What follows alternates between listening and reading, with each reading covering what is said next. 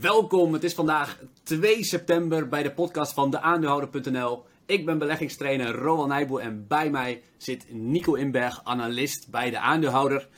Nico, back in September. Remember to be back in September. Je kent de beurswijsheid, sell in May and go away, but remember to be back in September. Hoe is deze beurswijsheid dit jaar gegaan? Ja, die is niet goed uitgepakt, Roland. Jij bent, leuk dat jij ook terug bent van uh, vakantie. Goede vakantie gehad, hoop ik. Tijd voor bezinning. Ja. Mooi zo. Veel boeken gelezen natuurlijk, over Buffett en, en al die makkers. Nee, het, het, was, het was niet goed. We hebben net even gekeken natuurlijk. Hè. Er stond een, op 30 april stond de, de AX op 707. En nou goed, misschien niet representatief voor de, de, de, wereldbeurs, maar ja, dat is gewoon 10%. Uh, we zijn 10% opgelopen, nog meer zelfs.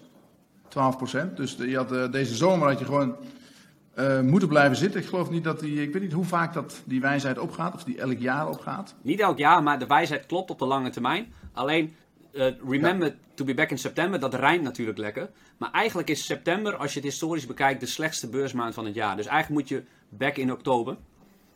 En, uh... Ik vind augustus altijd een klote maand op de beurs.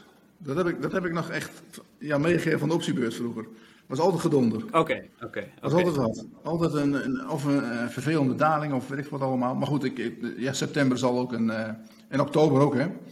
En, en uh, december. Alle maanden eigenlijk. er is zo'n gezegde van, van mij van Mark ja. Twain. En die, die zei inderdaad van, uh, zeg van ja, uh, van mij zei hij van april is een van de slechtste maanden op de beurs. Net als oktober, september, januari, maart, april. En ja. is allemaal op.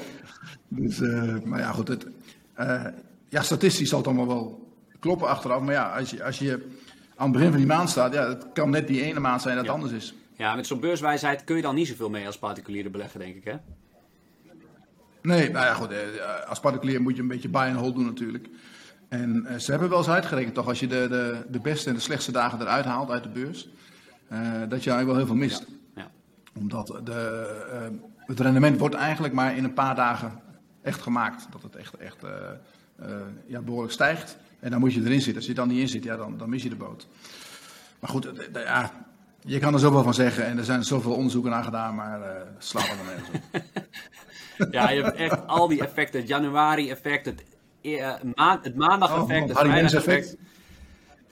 Harry Mens-effect. ja. Nou, wil je meer over die... Die moeten wij ook, uh, die moeten wij ook maken, het Rowan-effect. Ja, we gaan lekker... Uh... Jij op vrijdag wat zegt en dat ik het dan koop en dat we het maandag weer verkopen. Dat het omhoog gaat. Ja, ja. Nee. nee, goed. Geen gek. Als je meer, we gaan nu niet over beurswijsheden heen. Uh, maar als je daar meer over wil weten, check dan ook mijn podcast Beleggen met Rowan. Daar hebben we een hele aflevering, een uur lang over die beurswijsheden. Of ze wel kloppen oh, en niet en wat je daarmee kan als particuliere belegger. Vandaag, Nico, wil ik graag met jou bespreken. Je stuurde mij een dik rapport van ESMA, de Europese beurstoezichthouder. Ja, ik wou je even op de kast jagen. Wat zeg je? Ik wou je even op de kast jagen. Je hebt toch alles wel verkocht, hoop ik, of niet? Ik, uh, ik heb mijn geld gepakt, ja. We zijn uh, alles gepind ook gelijk. Nee, ze, ze, ze voorspellen een crash. Um, en een ander uh, rapport van een Nederlander die aan de Chicago Universiteit hoogleraar finance is, die zegt eigenlijk dat de macht van de particulieren ook heel erg die beurs gevoed heeft de afgelopen tijd. En ook weer dat de particulier verantwoordelijk gaat zijn voor die volgende crash. Ik ben heel benieuwd wat jij van zo'n rapport vindt. Wat ik ook met je wil bespreken is CM. Natuurlijk ja. Vandaag met 6% omlaag, geloof ik, vanwege het plaatsen van die converteerbare obligatie. Grote Formule 1 sponsor. Ja, dus, uh, je kunt overigens ook in de Formule 1 zelf beleggen. Daar gaan we het misschien ook nog over hebben. Maar laten we eerst beginnen met dat uh, ESMA-rapport, wat bij jou op de deurmat plofte. Nou, ik, ik heb het gedownload, maar ik denk, ik ga dat even lezen. Maar dat is, het is meer dan 100 kantjes. toen zakte mij de, de moed al in de, in de schoenen. En, uh, maar goed, kijk, je, je, leest gewoon de summary. Hè? Wat, wat, wat, wat, vinden ze ervan? Nou, er staat heel veel ingewikkelde taal in, mooie grafieken, onderzoeken. En uh, aan het eind voorspellen ze, of ja, waarschuwen ze de mensen dat het allemaal wel erg hard is gegaan. En dat, maar dat is, dat is ook zo. Kijk, als je het, uh, ik denk als je het samenvoegt met dat andere rapport van die, van die Tilburger in, in New York, of in, in Chicago was ja. het geloof ik hè? En dat vond ik wel een mooi rapport, want die zegt van ja, de macht van de particuliere belegger. Um, is heel groot. Hij zegt eigenlijk als je voor 1 dollar uh, uh, investeert, dan gaat het 5 dollar omhoog of zoiets. Nou ja, mooie berekening, maar de, de, de, de gedachte daarachter, die is hartstikke logisch. En dat heeft denk ik wel met een aantal dingen te maken. Dat, het zijn natuurlijk heel veel mensen bijgekomen op de beurs. En er zijn heel veel mensen die beleggen met een hefboom. Nou, die twee dingen bij elkaar optelt. En je ziet dat er niet heel veel aandelen bij zijn gekomen. Tuurlijk worden wel wat aandelen uitgegeven links en rechts. Je hebt veel SPACs allemaal. Nou ja, ook niet altijd een aanwinst. Maar er zijn ook bedrijven die heel veel eigen aandelen inkopen. Uh, ook op deze niveaus. Je kijkt ASMI en ASML, die kopen gewoon elke dag door. Dus ja, dan wordt de spoeling natuurlijk een beetje dun. En dan moet je met z'n allen vechten om dezelfde aandelen. Ja, uh, dan is het simpel. Meer vraag dan aanbod. En dan gaat de prijs omhoog. Ja. ja. En dan krijg je denk ik ook nog eens wat als derde factor is een extra hefboom-effect. Omdat aandelen die het dan al een tijdje goed doen, bijvoorbeeld de laatste twee jaar de groeiaandelen, de tech-aandelen, die krijgen nog eens een extra effect. Want elke professionele vermogensbeheerder, hedge fund manager, wil graag die als toppers, als grootste posities in hun portefeuille. Want dan kunnen ze zeggen, hey, ik beleg al heel lang in Tesla of in Shopify of in Twilio. En dan stroomt daar ook meer geld naar die vermogensbeheerders toe, omdat die dus ook goede rendementen behalen. En die moeten die aandelen dan weer opnieuw kopen. En dan krijg je zo'n, dat is eigenlijk die visieuze cirkel, waardoor 1 euro, 5 euro uh, aan extra rendement toevoegt. Ja, ja, en dan moet ik wel zeggen dat die, kijk, die, die groeiaandelen, die hebben natuurlijk ook hartstikke goed gedaan. Ik zag, uh, zag van de week de cijfers van Zoom. Nou, uh, dat ging dan 10% omlaag, omdat nu krijg je eindelijk een beetje het effect dat mensen denken: oké, we gaan weer terug naar normaal. Hè? En dan, dan ga je weer een beetje kijken hoe zijn de concurrentieverhoudingen. Nou, die zit natuurlijk met Microsoft uh, die, die in hun nek loopt te hijgen. Maar ja, ik, ik, ik weet nog goed, uh, Roland, dat was volgens mij in maart of april vorig jaar. Toen, toen had ik, zat ik bij IX had ik een artikeltje gemaakt met, met tien aandelen die, die zouden profiteren van de corona.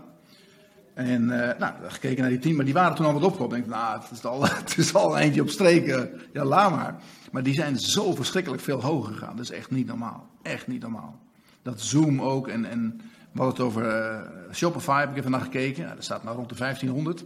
Ja, die komen van de 400 ja. of zo. Ja. Dat is echt niet normaal. Het is zo verschrikkelijk hard gegaan. En uh, wat het denk ik wel, wat corona heeft laten zien, is dat die bedrijven die zaten op een bepaald spoor. Uh, iedereen had nog niet helemaal door van, nou ja, ze groeien hard, maar nog maar kijken of het gebeurt. En in één keer zeggen van, verrek, het gebeurt. Ja. En nu is het niet meer, nu is het niet meer te stoppen. Het online, iedereen is er over eens. En online heeft natuurlijk, uh, je ziet dat misschien eerst alleen de, de modernere mensen, hè, waar ik mezelf ook ja, toe reken natuurlijk, dat die, dat die online bezig waren. Maar nu doet iedereen ja. het.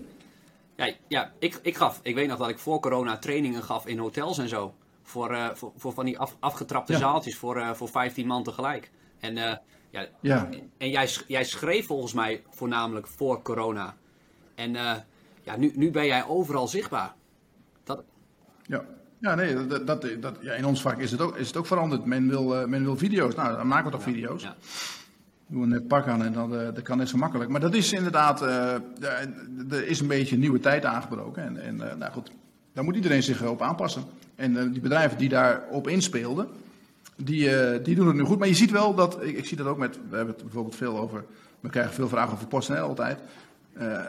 Tuurlijk, online gaat allemaal door, maar na de eerste, eerste fase van enorme groei in de coronatijd en, en een beetje Wild West, hè, hoge prijzen en alles dat zie je dat na, na, verloop van tijd iedereen zich weer een beetje, uh, zeg maar, hoe moet ik dat zeggen, ja, weer een beetje bijgekomen is. En dan komt er wel weer echt concurrentie. Ja, ja. ja. Want ja, als er veel te verdienen valt, komen er altijd veel partijen op af. Ja, ja. Net als Zoom gewoon de technologie veel beter was dan bijvoorbeeld een Microsoft Teams. Alleen nu zie je Teams zichzelf verbeteren en dat gat, dat technologische, dat gebruiksvriendelijke gat dichten en uh, Zoom een beetje op de hielen zitten. Ja, ja en, en kijk wat zo Microsoft dan doet. Die stoppen het gewoon in een pakket wat ze bij bedrijven aanbieden. En dan, dan zeggen die bedrijven uiteindelijk van ja, waarom zouden we Zoom apart erbij nemen? Want we hebben Microsoft. En volgens mij heeft, ik weet het niet heel zeker, maar voor mij in de pandemie, ik herinner me nog dat, dat mijn, mijn jongens thuis, die hadden allebei Zoom. En uh, ja, volgens mij hebben heel veel bedrijven, die hadden gewoon MS Teams. Ja. Je hebt ook nog WebEx volgens mij, maar dat gebruikt helemaal geen hond. Maar goed, het, uh, uh, ja, dat moet je ook wel constateren, denk ik, dat de grote jongens het gewoon gaan winnen. Okay. Dus zo'n Microsoft, die is gewoon niet te stoppen. Nee, het is onstoppbaar. onstoppbaar. Als je eenmaal in die keuken zit, dan kan je zo je tentakels ja. langzaam uitbreiden. Ze gaan nu ook de CRM-markt op met Microsoft Dynamics om, om Salesforce dwars te zitten, die daar echt de monopolist is. Dus het wordt voor die, die, die uh, inderdaad voor die specialisten wel, wel uh, op de, de, wat langere termijn, hè, want die zullen nog een paar jaar, natuurlijk, die groei die valt nu wel te pakken. Want uh, er is gewoon, die taart wordt gewoon een stuk groter. Maar uiteindelijk, um, valt iemand om hier geloof ik, maar uiteindelijk is het wel zo dat, dat die, die grotere bedrijven die toch al bij de, bij de bedrijven zitten met hun softwarepakket, ja, die stoppen het bijeen en dan wordt dat gewoon één pakket. Ja. ja. Dus, hey, even terug naar dat rapport een belegger kan, het, kan natuurlijk denken, zo'n Europese markttoezichthouder die waarschuwt eigenlijk voor, voor een komende crash. En ik denk dat we er allemaal mee eens zijn dat de crash eerder dichterbij is dan veraf. Hoe, hoe langer aandelen stijgen, hoe, hoe dichter die voor de deur staat. Ehm, ja. En ik vind het goed dat ze daarvoor waarschuwen. Zeker in tijden dat alles goed gaat, wil je wat voorzichtiger zijn in dat soort opzichten. Ik weet niet of ze zich daardoor laten leiden. Maar ik ben altijd heel huiverig voor zulke instituties die dan met zulke rapporten komen. Want ik, heb dat, ik weet niet of jij dat boek gelezen hebt van Philip Tedlock. Dat heet uh, Supervoorspellers. Van welke, welke mensen kunnen nou, of organisaties kunnen nou het beste voorspellen. Dus in dit geval is er een voorspelling van het ESMA. En dan blijkt het dat een CIA die dan moet onderzoeken wanneer Afghanistan bijvoorbeeld weer door de Taliban wordt ingenomen. Ik noem, ik noem maar een willekeurig recent voorbeeld. Daar kan je dan voorspellingen over doen. En wie blijkt dat soort dingen het beste kunnen te voorspellen? Dat zijn nooit de instituties. Nooit de instituten. Wie dan wel? en dat zijn individuen, particulieren. Google Trends. Die ver ergens van af zitten en die bereid zijn om hun mening continu aan te passen aan nieuwe informaties. En die instituties, die hebben een idee over de economie bijvoorbeeld, dat het overgewaardeerd is. En die denken dan, ja, dit moeten we gaan staven met cijfers en zijn dan niet flexibel in de afwijkingen. Ja, ik, ik weet het ook niet met, met dit soort figuren. Ik denk niet dat ze zelf aandelen hebben. Dat mag waarschijnlijk helemaal niet. Ik ben ten tijde van de GameStop-affaire ben ik bij de AFM, geweest, AFM geweest om daar wat, wat over te vertellen, zeg maar, hoe dat in elkaar zat. Um, ja, dat was voor hun, voor, voor, iedereen is dat natuurlijk heel erg nieuw. Hoe de particuliere beleggers, hoe die tekeer gaan in de markt. Hè. Dat, is, dat is echt een enorme gamechanger. Die hebben echt, wat dat, rapport van die, van die jongen van Chicago, dat is echt, nou, daar zit echt heel wat achter. Um, ze hebben al die hedge funds de nek omgedraaid, bijvoorbeeld. Dus de, de massaliteit waarmee de, de, de particuliere beleggers, en je kan elkaar, met elkaar verzamelen op, op, op internet, dat, dat kunnen we in Nederland natuurlijk niet, want daar zijn we te klein voor. Maar in Amerika met Reddit en met Wall Street Bets, dat ging, daar keek niet alleen Amerikanen mee, maar ook, ook alle Europeanen, alle Japanners en Chinezen, die keken erop naar. Dat gebeurt nu nog steeds in de cryptomarkt met, met als er weer een token wordt uitgevonden. Uh, dat hele pump en dump verhaal. Ja, dat, dat, als dat zo, zo enorm massaal is, dan kan je er niks tegen doen. Het is een, zo'n wal met geld die eraan komt. En daar, daar kan, kunnen die hedge funds, je kunt er ook niet, er zijn een aantal die zijn er gewoon ja, echt kapot op mhm. gegaan. En ja, wanneer het dan afgelopen is, het is afgelopen als de particulieren het geld op hebben. En ik heb ook wel eerder gezegd van, natuurlijk, uh, we hebben met z'n allen heel veel geld overgehouden afgelopen zomer. Afgelopen jaar, dat is denk ik nog steeds zo. Je kan nog steeds niet heel veel. je kan wel naar de bioscoop, maar ja, uh, zit je bij dezelfde film. Zit ook niet op. Dus uit, eten, uit eten is lastig, man. Ik had al. Ik ga altijd graag naar Lutje hier in, oh hier in Laren. En uh, iedere keer is het gedonder. Dan hebben ze geen kok en dan is het dicht en dan uh, is het vol. Dus uh, je kan je geld gewoon niet kwijt. Ja. Ja. Dus mensen houden geld over. En ja, dat geld slaan ze graag stuk op de beurs. Het liefst met, via uh, call opties of turbo's. Of misschien CFD's. En dan, dan met een, als dat geld ook nog eens met een hefboom de markt in komt, ja, dan gaat het hard. Ja, ja. En ook naar beneden straks dus. Ook naar beneden, alleen je ziet nu dat, dat, dat er, er is geen natuurlijke kracht meer die het tegenhoudt. De grote hedge funds, hè, die, die vroeger die zeg maar in de val lieten lopen, of die dachten van nou, daar wordt een, een aandeel wordt gepusht en uh, opgekocht. Bijvoorbeeld Alphen. Alphen had in, in de oude tijd nooit, nooit op 90 of 100 euro gestaan. Dan was er wel, wel veel eerder een partij geweest die zeggen, nou neem ik een short positie in van 5%. Nou, en dan liepen alle, alle particulieren daar op stuk. Dan liepen de call opties waardeloos af. Zaten de market makers met de stukken in hun maag die ze hadden gekocht als hedge. En dan ging het vrolijk de andere kant op. En dan vingen de hedge funds de, de stukken weer op op 40. Nou, nu is het zo massaal allemaal. En niet alleen de particulieren, maar ook de instituten die die um, heel duidelijk een draai maken naar dit soort aandelen. Ze willen ESG-aandelen. Want vergis je niet, wij denken dat die beurs hoog staat. Maar ik kan je zo 15 Nederlandse aandelen opnoemen die helemaal niet hoog staan. Ja, ja. En ook wel 30. Dus er, er, zit, er is echt een enorm Eh, enorme gap is er. En die is er ook al een paar jaar tussen de goede aandelen en de slechte aandelen. De kartrekkers. En Ja. ja, ja want dat is, komt weer terug op dat onderzoek van professor Bessenbinder, wat ik wel eens heb aangehaald. Is dat 4% van de aandelen zorgen voor al het rendement van de beurs. En de rest zijn per saldo dus waardevernietigers. Die doen het niet beter dan een obligatiemandje. Nee, nou, dat, kan ik heel goed geloven. Als je, je kijkt naar de, de indices, nou, dat is natuurlijk hartstikke duidelijk wat die techfondsen doen.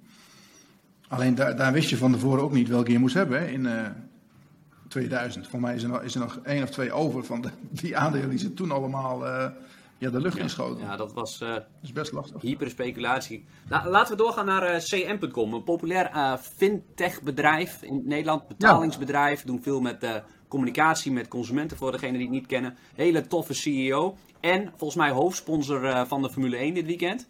Ga je nog, ga je nog Ja, rijden? ze- ze- ze- ik ga morgen wel even kijken. Ja. Je gaat kijken. Ja, ze zijn naamgever van het stadion, of tenminste van dat, dat rondje daar, dat asfalt. Volker Wessels heeft dat aangelegd. Oké.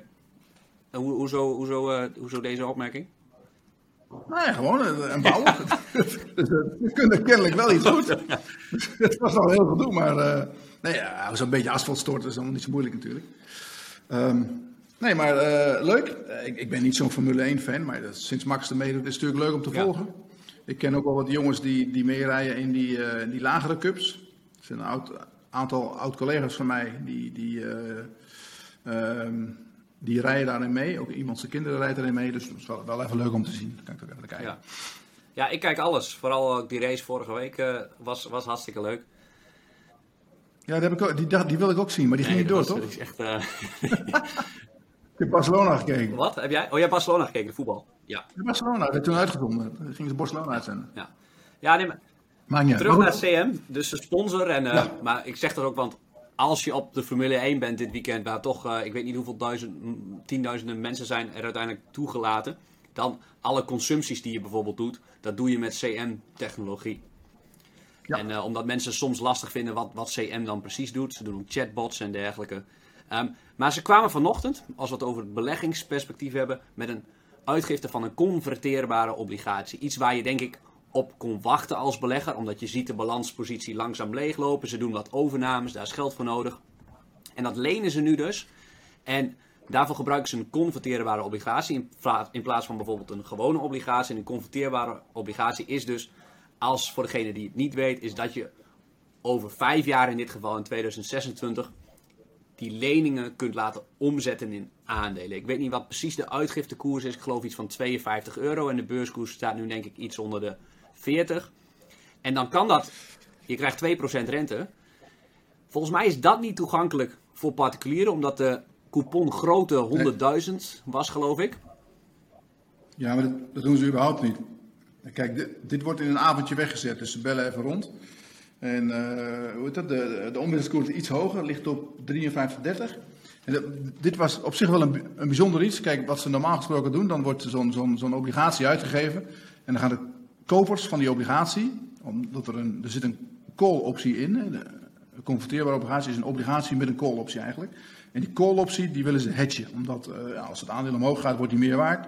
Als die omlaag gaat, wordt die minder waard. Dus wat doen ze dan? Dan geven ze aandelen erop volgens een bepaalde delta. Nou, in dit geval, ehm, kijk, wat je normaal gesproken ziet is dat ze die, die, de bank, zeg maar, die belt rond. Dat doen ze s'avonds na beurs. Er is in een paar uur gepiept.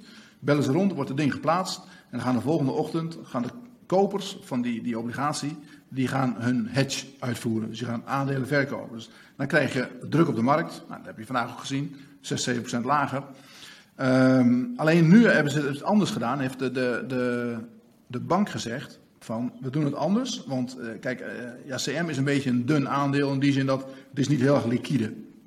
Dus de bank die wilde liever niet dat eh, al die kopers van die obligatie dat die als een wilde aandelen gaan verkopen. Want dat weet je nooit. Hè? Dan kan je maar zo een uitschuiven krijgen als iemand zich vergist of ze raken in paniek, wat dan ook. Dus de bank zegt, weet je wat we doen? We doen niet alleen uitgifte van de obligatie, we doen ook alvast de uitgifte van die aandelen. Nou, er waren die beide jongens, de twee G's, Van Glabbeek en, en heet die andere, eh, Gooiers. Die wilden ook graag wat aandelen verkopen. Dat doen we Een keer, een klein beetje winst nemen, die jongens. En die, die hebben elk, geloof ik, voor 4 miljoen uh, verkocht. Dus elk voor, voor gezamenlijk 250.000 stukken. Um, ook op 41 euro verkocht. Dus die, die bank heeft dat in één keer voor iedereen, iedereen rondgemaakt. Dus dan komen de volgende ochtend, zeg maar, dan is dat allemaal al, is allemaal al ja, geregeld. Die bank moet dan eigenlijk nog misschien die aandelen een beetje afwerken. Maar in principe is het hele pakketje al rond. En dan hoeft niemand meer wat te doen. Alleen je krijgt wel een beetje koersdruk, omdat er wel wat meer, uh, zijn A, wat meer aandelen bijgekomen. Op termijn natuurlijk, maar goed, wel, uh, uh, de koek wordt ietsje dunner voor iedereen. En um, er is een beetje druk van die aandelen van die, die, die jongens verkocht hebben op de markt. Dus er is, er is gewoon wat een extra uitgifte geweest. Dus de markt is even, moet dat even verwerken. En dat is voor particulieren altijd een heel mooi moment. Je moet natuurlijk wel goed in ogenschouw nemen of je zo'n aandeel wil hebben of niet. Maar ik zat toevallig, ik zal jou vertellen, ik dacht deze week van CM, die komen natuurlijk, die komen wereldwijd op tv. Aanstaande zondag. Die krijgen heel veel exposure. Daar kan je op wachten. Dus ik denk, nou eigenlijk moet ik wat wat kopen van het spul deze week. Want dan gaat waarschijnlijk volgende week, uh, ja, krijgen die een extra zetje. Dus ik zat ernaar te kijken en ik had het gelukkig nog niet gedaan tot die obligatie kwam. Toen dacht ik, daar moet er wel bij zijn natuurlijk. Dus we hebben vanochtend onze leden ook een mail gestuurd van, nou ja, als je, kan, als je nog wat ruimte hebt en je hebt zin. Het is een goed bedrijf, weet je wel, niks mis mee. Ze groeien ontzettend hard, veel harder dan iedereen denkt. En uh, ja, je krijgt nou gewoon 10% korting. Of uh, niet helemaal geloof maar 7, 8%. Dus daar moet je bij zijn, denk ik. Ja, en, en jij denkt dus, want een gemiddelde Formule 1 race kijken zo'n 400, 500 miljoen mensen in de wereld. Dat daar, dat daar, dat daar ja, heel veel. Dat, dat sommige mensen daar beleggen en die gaan dan even kijken, wat is dat voor een bedrijf? Ja, misschien, hè, of dat mensen kijken van, oh ja, dat, dat. Dus je krijgt, je krijgt toch een hoop. Dit is een beetje het Harry Mens effect, maar dan in het kwadraat. Ja. On steroids, zeg maar. Je komt op zondag op tv. En uh, nou ja, goed, misschien, misschien dat het meevalt. Maar ik, ik hoop voor hun dat ze een hoop exposure van krijgen. Ze hebben het, uh, het bedrijf heeft het heel erg goed gedaan. En um, het verbaast iedereen hoe hard ze groeien. Nou, dat, mag ook beloond worden. Ja, bizarre groei hè. En uh, die organische groei, 80, 90 procent het afgelopen half jaar. Dat, dan kan je alleen maar ja. hele vette producten maken voor klanten. Ja, nou, en dat is het ook denk ik. Want ze, zij helpen echt ja, bedrijven om de boel op orde te maken. En uh, in hele grote aantallen, dus dat, gaat, uh, dat, dat, wordt een hele mooie speler. Ik ben benieuwd, ik hoop niet dat het te snel overgenomen wordt, maar ik denk dat ze het wel, de boel wel een klein beetje bij elkaar houden. Ja, het is natuurlijk een heel mooi bedrijf en de eindmarkt is gigantisch, maar er zijn ook zoveel concurrenten zoals het Zweedse Sinch of het Amerikaanse Twilio, die dan in die zin een, een paar maten groter zijn. Uh, ja, maar ik denk, ik denk wel als ze één keer binnen zijn bij een bedrijf, dat het bedrijf niet heel snel uh, gaat overstappen naar, ja, of het moet echt een stuk goedkoper zijn. Maar je hebt toch wel te maken met, met een behoorlijk stukje software. Nou, als de ondersteuning goed is en uh, de klanttevredenheid is heel belangrijk, dan, dan gaan de klanten, dan, dan kunnen ze meegroeien met de ja. klanten. Ja, daar zijn Want, zeker wisselkosten. Als je dan door een sms'je te sturen op tijd, uh, dat iedereen op tijd bij de tandarts is, om te herinneren aan die afspraak, ja, dan kost zo'n sms'je kost zo'n tandarts 1 cent. Maar uh, ja, hoeveel ja. het oplevert ook en hoe, hoe weinig het van de aanschafprijs is, ja, dat, die wisselkosten zijn denk ik best wel hoog. Ja, dat denk ik ook. Dus dat, dat, daar, daar zitten ze wel goed. Ze moeten alleen zorgen dat iedereen tevreden blijft. Nou ja, dat moet elk ja, ik, bedrijf... Ik vind ze qua waardering ook wel heel goedkoop. Want alleen als ze hun eigen prognoses van 30% omzetgroei verwachten ze op de middellange termijn met 20% EBITDA-marges. Als je dat even doorrekent in een scenario van over 10 jaar... en dat gaat lukken... en je plakt daar een multiple op van 10 keer de EBITDA... ja, dan kijk, gaat je geld keer 4 keer 5 in 10 jaar. En dat is ongeveer 18, 19, 20 procent rendement per jaar. Als ze, als, ja, als ze hun eigen verwachtingen na gaan maken. Het afgelopen half jaar was in ieder geval een stuk beter dan die verwachtingen. Ja, wij kwamen, ik kwam nog wat hoger uit, maar goed, het, is, het moet allemaal nog wel waargemaakt worden. En, en ook, ook hier geldt hè, dat um, als het een mooie markt is, en het is een mooie markt, dan, dan uh, komt daar ook concurrentie komen ook andere partijen. En ja, als er dan weer een paar hele grote Amerikaanse partijen bij zijn die, die voorlopen met de software, dan wordt het toch wel iets ander verhaal. Of dan, dan heb je weer bijvoorbeeld Nederlandse bedrijven die onderdeel zijn van een multinational. Die moeten dat dan overnemen. Dus dat moet nog wel gebeuren. Maar het, is het, het, het ziet er fantastisch uit. Het is alleen jammer dat we het niet. Uh, het is bizar eigenlijk. Dat ze dat bedrijf ja, destijds niet ja. naar de beurs hebben kunnen brengen voor een tientje. Want die, die eerste IPO die is gewoon ja. mislukt. Die is gewoon mislukt. Dat sloeg nergens op. Ik, ze hoeven helemaal niet zoveel geld op te halen, volgens mij. Maar dat, dat ging gewoon mis. En uh, dat, dat, dat, is, dat is zo bizar achteraf. Ja, ik denk ik denk dat ze, wat ze toen niet goed hadden uitgelegd en wat er ook niet was, is. eh, ze hadden niet goed uitgelegd wat ze precies doen. Het is heel, voor heel veel mensen heel ontastbaar. Wat, wat doen ze nou precies? Eh, maar toen zat er ook geen groei in het bedrijf.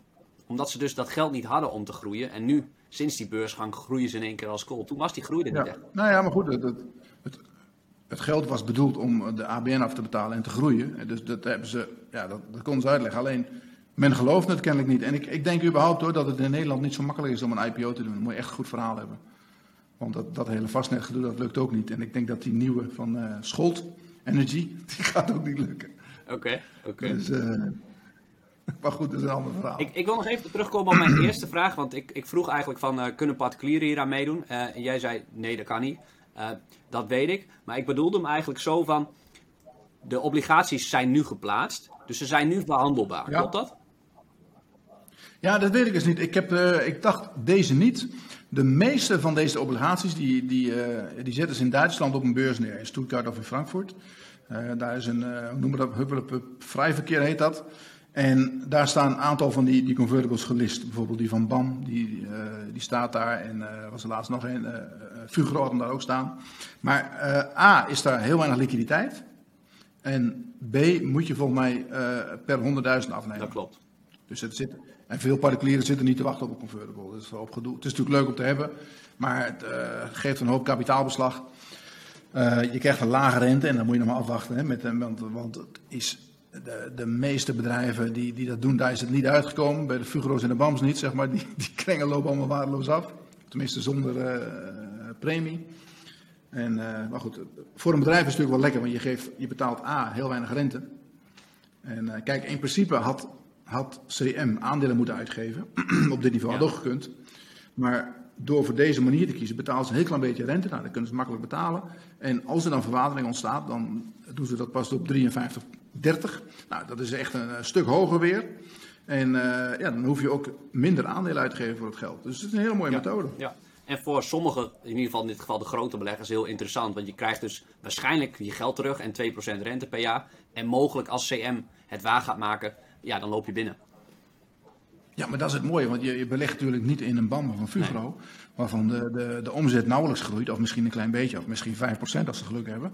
Maar in een bedrijf met een groei van 40%, nou, da- dan reken maar uit, vijf jaar 40% op rij. Als dat lukt, hè, nou, dan zit je echt een stuk hoger. Ja. En, en, Dus eh, de, de, het perspectief is er wel. Ik vond wel, want ik, die rente werd voorgesteld tussen de, de, de, eh, geloof de 1 en een kwart en een 2.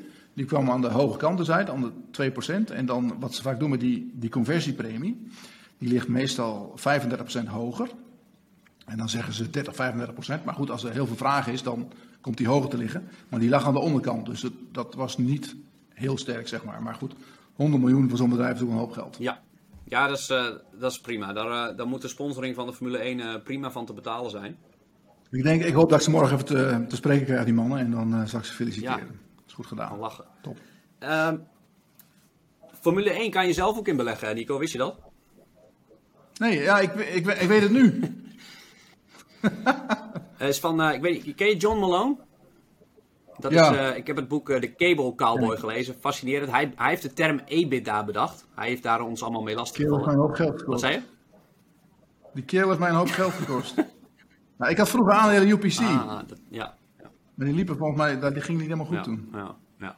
Maar goed, dat maakt niet uit. Vertel verder. Hij, ja, ehm, hij is eigenaar van Liberty Media. En die eh, hebben, waren eigenaar van eh, F1. Dat is de ticker. En eh, daar kan je nu aandelen in kopen. Dus als je gelooft in dat de Formule 1 als sport nog veel groter gaat worden, kan dat best een hele interessante belegging zijn. Maar heeft hij dat gekocht van Bernie Ecclestone? Of hoe zit het dan in Nee, elkaar? volgens mij, eh, Bernie Ecclestone, die verkocht het volgens mij in 2005 aan een private equity partij, onder andere CVC. Oh, En die verkochten het in 2016 aan Liberty Media. Liberty Media heeft een soort van tracking stock van gemaakt. Er zitten nog twee dingen in. Mhm. Ik weet niet of je weet wat een tracking stock is. Nee, Ja, dan, in een bedrijf, in een conglomeraat, zitten soms meerdere kleinere takken. Eentje tak groeit heel hard, één tak is heel stabiel. Dus voor een belegger is dat natuurlijk geen interessant profiel om dan dat conglomeraat te kopen. En dan kan je dat deel zeg maar afsplitsen, maar het is niet zoals een gewone afsplitsing. Het valt nog steeds onder Liberty Media. Het is Liberty Media's tracking stock.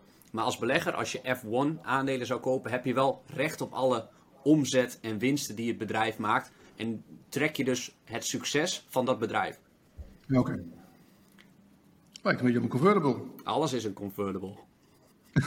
Ja, toch, in geval van succes doe je alsnog ja, mee. Ja, ja. Nee, maar is, Is het is het een duur aandeel of niet? Want ik, ik, heb het, eh, ik, ik volg dat niet hoor. Eh, ja, ik, ik volg het ook niet echt. Ik geloof dat de market cap 11 miljard is. Dus een eh, soort... eh, Oké. Ja, ze verdienen vooral natuurlijk aan de uitzendrechten. Dat is de grootste post. En ook aan de licenties. Gemiddeld eh, 30 miljoen moeten ze circuit betalen. En eh, sponsoring zelf, wat ze binnenhalen. Ja. Dat zijn de drie Oké. posten. Ik ben benieuwd hoe het in de toekomst gaat als ze straks eh, elektrisch moeten rijden, die jongens. Of dat minder stoer is. Ehm, welke sponsors dan afhaken en welke sponsors erbij komen. Ja, ik denk, eh, Ferrari is natuurlijk het belangrijkste gezicht daarachter. Die hebben al aangekondigd. Eh, die gaan straks ook al hun auto's eh, elektrisch laten doen. Dus dat, dat gaat gewoon in de toekomst komen. Ja. En dan moeten we er maar een mooi geluidje onder zetten. Onder die auto's. Want dat is natuurlijk de charme als je live Nee. op het circuit bent. Dat je die, dat je die motoren hoort knallen. ja, bij Harley Davidson was dat niet zo'n succes volgens mij. Ik weet niet hoe dat nu is. Maar ik herinner me dat die een paar jaar geleden echt moeilijk hadden. Die had ook een elektrische motor. En eh, ja, de mensen missen wel dat, dat, er, weet je wel, dat, Ja, dat geluid van die Harley. Want daar, daar koop je hem toch een beetje voor. ja, ja. Maar ik, ik denk dat de, dat de perspectief van de mensen aan het keren is. Dat Harley misschien gewoon iets te vroeg was. En Harley is ook nog wel het merk wat echt inspeelt op de echte man. Ik zie jou ook Ja, wel op een, op een Harley eh, rijden. Weet je, de, de, hoe noemen we dat? Eh, de, de vijftiger, zeg maar, met een, eh, met een hoe noem je dat? Een midlife crisis. Met, met een midlife crisis, dan moet je Harley hebben. Lekker over Zw- Zwolle zo bij Talimini voor een beetje stoer doen. Ik ga ook maar eens kijken of ik er een kan vinden straks. Ja, ik vind het wel fascinerend van als je, als je aan het beleggen bent en je kijkt om je heen. ah, alles bij die Formule 1, als je zondag de race gaat kijken, alles wat qua sponsoring, bijna alles is beursgenoteerd. Kan je gewoon aandelen kopen. Dat, dat maakt beleggen ook zo fascinerend. Je hoeft maar om je heen te kijken en je ziet zoveel mooie bedrijven. Ja, je komt overal tegen. Oké, dan nu naar een andere fintech-speler, ING. ING, Nico. Vanochtend op de voorpagina van het Financieel Dagblad kondigden ze aan dat ze, althans ING niet, maar onderzoekers, dat Payvision, gekocht door ING in 2018 voor 350 miljoen euro, waarmee ze eigenlijk wilden gaan concurreren tegen Adyen, ook een betalings, eh, bekende betalingsverlener, wat we natuurlijk allemaal eh, weten. Eh, maar is eigenlijk nu al afgeschreven naar nul. Ze geven het op, die strijd om ook in de fintech-wereld mee te gaan. Is, is, dit, is dit een handdoek in de ring gooien? Ja, ik denk het wel. In ieder geval op dit gebied. Eh, ze hebben, de banken hebben natuurlijk heel, heel moeilijk om bij die fintech aan te haken. eh, Zeker op bepaalde gebieden. Bepaalde gebieden misschien ook niet, maar hun, hun, hun eh, originele business van, van ja, betaalverkeer regelen en geld uitlenen. Hè? Ja, krediet verschaffen, dat is, dat is nog wat anders. Dat zit nog echt wel bij hun. Maar ze hebben eigenlijk op een, op een, op een ja, verschrikkelijke manier de boot gemist bij al die, die, nieuwe, die nieuwe wetse dingen. Dat, dat, dat is, zit allemaal bij andere partijen en die gaan ermee vandoor. Daar zie je nu enorme groeipercentages. Als ik de cijfers zag van Adyen, ja, daar ben je koud van. Hoe hard die groeien en hoe hard dat gaat. En ook voor Square en, en van dat, dat soort bedrijven. Dat, is, ehm, ja, dat gaat nu wel heel erg hard ook. En ehm, dat, dat is eigenlijk raar, want dat is normaal gesproken, dat is gewoon werk van de banken. Dat hadden de banken moeten doen. Of een bank, of eh, de gezamenlijke banken. Maar ze hebben zich echt de kaas van brood laten eten. De, ik moet zeggen ING, hè, want ING heeft zichzelf altijd geafficheerd als, als een, eh, de fintechbank. Dat was, dat was echt het stokpaardje van Hamers. Nou, Hamers natuurlijk nu, eh, ja, die zit in Zwitserland hoog en droog. Doet daar ook heel goed met vermogensbeheer, maar die, het- dat hele, hele fintech-verhaal, ja, dat is, wel, het is ook wel een afgang, laten we eerlijk zijn. En eh, het- de- voor mij hadden ze al een heel groot stuk afgeschreven, dus Hamers heeft toen ook al een stuk gepakt, volgens mij in zijn laatste jaar. Ehm, maar ja, kijk, in drie jaar tijd, hè, 350 miljoen afschrijven. Dus je hebt een idee, je gooit er 350 miljoen tegenaan. En drie jaar later zeggen, nou, ja, Ja. we gaan wat anders doen. Ja. Dus dat is, ja, dat is eh, Ik, ik las dat ze iets van 60% van de klanten die Payvision had, eigenlijk al moesten opwieberen, omdat dat een beetje loesje klanten waren. En daar wil je als bank niet mee geassocieerd worden. Dus ze Ja, hebben het ook wel, ja, ze hebben dat- het ook wel moeilijk. Ja. En ze hadden toch, eh, hoe heet dat, eh, Pornhub en zoals geloof Wat, wat, is- Pornhub? Dat weet ik niet, daar heb ik een keer van gehoord. Daar kan je allerlei leuke dingen vinden. Ja, klopt. Nee, maar de, de, ja, voor mij was bij de aankoop al niet goed opgelet. Want toen, toen, toen moesten ze dat, dat moest meteen worden uitgefilterd. En toen bleef er een stuk minder over. Dus toen, het, het was eigenlijk vanaf het begin een kat in de zak. Ja. Dus, eh, maar goed. dat- er moet wel betaald worden bij Pornhub. Hè? Dus, dus dat, die hebben wel betaling. Dus ik weet niet waar die nu in zijn gegaan. Zou die bij Agent zitten? Nou, ik las in de, klant, in, in de krant dat veel voormalige klanten naar de vorige eigenaar zijn gegaan. Dus die is misschien weer gewoon opnieuw gestart. Ah, oké. Want dat, dat, eh, er zit wel business in. Maar ik hoorde gisteren op de radio dat Easy Toys, dat gaat heel erg goed. Die, kocht, die kopen Christine Leduc. Die, die kopen Christine Leduc. Nou, dat, dat, eh, die gaan ze even... Die gaan eh, keihard. die gaan keihard. Die gaan wat de wereld in slingeren, zeg maar. Dus dat gaat, dat, daar zit wel heel veel business in. Maar goed, voor mij dwaal Ja. een beetje af. Uh, ING mist dus de slag. Althans, even de korte conclusie. Uh, we gaan ook alweer naar het einde, want we zitten al op uh, 35 minuten. Nico, staat er nog iets in het magazine of heb je nog een uh, leuke tip? Ja, we hebben best wel veel het magazine. Er zijn natuurlijk de bedrijfscijfers een beetje gebeurd. We kijken even terug op het webinar met de Belgische aandelen. We hebben een verhaal over Kinepolis, de Belgische bioscoopketen. ETF van de week is ook een Belgische ETF. ETF van de Index van België. Um, wat ook wel, wel leuk is, we hebben een, een, een, een uh, artikel met grafieken. Um, ja, waarop de FED zich he heeft gebaseerd. De FED die, die kwam natuurlijk afgelopen week met het verhaal dat uh, nou, inflatie, wat hun betreft, uh, daar lagen ze niet wakker van. Uh, in dat hele verhaal van die Powell, daar zaten allemaal, dat hebben ze niet laten zien, maar er zitten allemaal linkjes. En die linkjes die gaan naar een andere pagina waar die grafieken allemaal staan. Nou, die haal ik naar voren en dus ik wat uitleg bij. En op basis van die, die grafieken, dat is, klopt ook wel een beetje denk ik wat ze zeggen. op basis daarvan stellen zij dat het eigenlijk met de inflatie, oké, nu is het even wild, hè, door, de, alle inhaalvragen die er is, alle tekorten overal, dus iedereen raakt een klein beetje in paniek. Maar ze zeggen de, de langere termijn inflatie, die zien ze, zien ze nog steeds onder controle, loopt ook wel wat op. Maar de, de, de, lange termijn effect, zoals je die ook al uh, afgelopen jaren zag van de, van de, technologische ontwikkeling, um, veel geld over, dus, dus hè, dat, dat, de vraag naar geld is minder. Dus ze zien daar eigenlijk, uh, ja, daar hebben ze niet zoveel zorgen over. En dat betekent ook dat ze, ja, renteverhoging, daar moet je ook niet al te veel op rekenen, denk ik. Het enige wat ze misschien gaan doen is dat ze, dat ze wat eerder opstoppen met het opkopen van die obligaties. Maar ja, dat is niet zo ramp, denk ik. dus, en uh, ja, wat hebben we nog meer? CM.com, de convertible leggen we helemaal uit. En uh, ja, van alles nog wat eigenlijk. We kijken naar de, de portefeuille van Archegos. Chinese aandelen gaan we ietsje Mhm. beter, gelukkig.